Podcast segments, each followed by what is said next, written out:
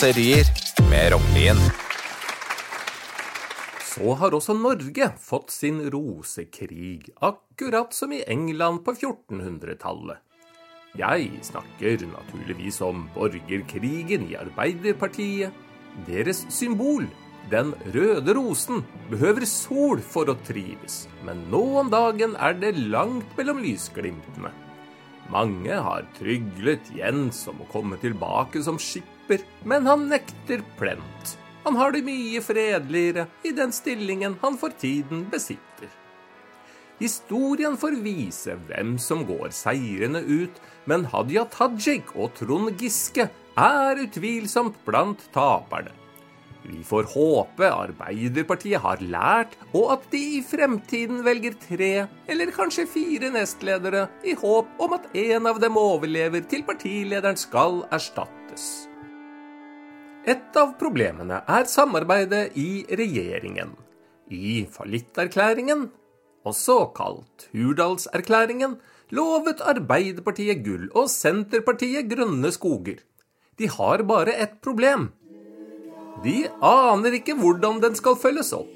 Hadde dette vært et kåseri på svensk, hadde jeg umiddelbart omdøpt den til Hurda-erklæringen.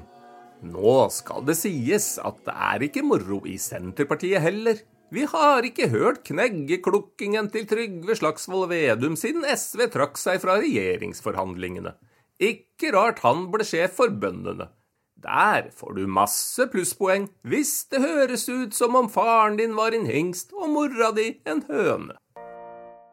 Mine kilder i statsforvaltningen har fortalt at statsministeren har nedlagt forbud mot at Vedum får le så lenge han er finansminister. Støre prøver desperat å unngå at folk ikke lenger kaller det kongen i statsråd, men hoffnarren i statsråd.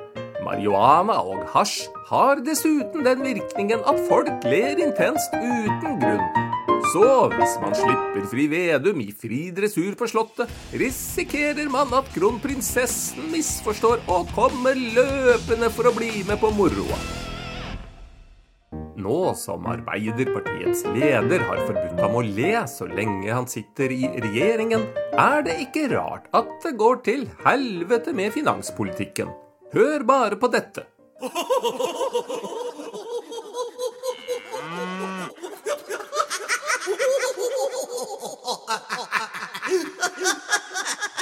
Det du her hørte, var et lydklipp fra innsiden av hjerneskallen til Trygve Slagsvold Vedum en tilfeldig dag i forrige uke. I valgkampen kunne han slippe dette ut, men nå som Senterpartiets sjef må le inni seg, er det til å forstå at det ikke lenger er så lett å utføre politikergjerningen på en tilfredsstillende måte. I det minste er det ikke mye å flire av om dagen allikevel. Regjeringen strir ikke bare med etterdønningene av pandemien.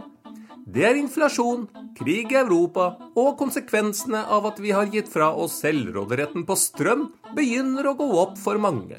Begge partier sier da også at ingen kan komme godt ut av å styre i slike krisetider. Det har de naturligvis rett i.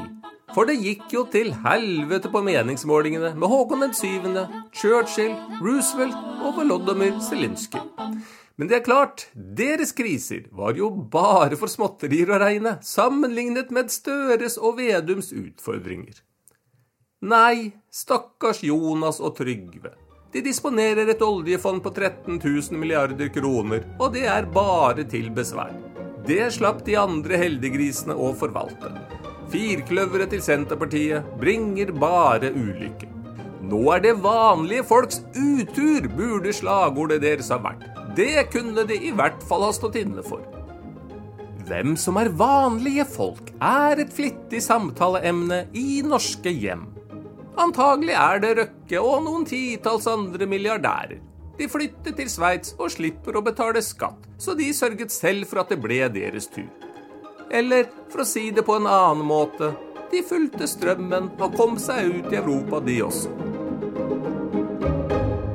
Hjemme på Bjerget sitter eitrende forbanna lokalpolitikere fra både Arbeiderpartiet og Senterpartiet. De titter sørgmodig en siste gang på lønnsslippen, vel vitende om at politikken som føres, skaper en ordførerkjedereaksjon som vil farge Kommune-Norge blått. Aldri har et lykkesymbol og en kjærlighetsblomst passet dårligere på en regjeringskonstellasjon. Og siden de to partiene iherdig argumenterer for at de ikke har skyld for dårlige meningsmålinger, er dette kåseriets budskap å holde opp et speil for Jonas og Trygve et knust et. Du har lyttet til Kuriøse kåserier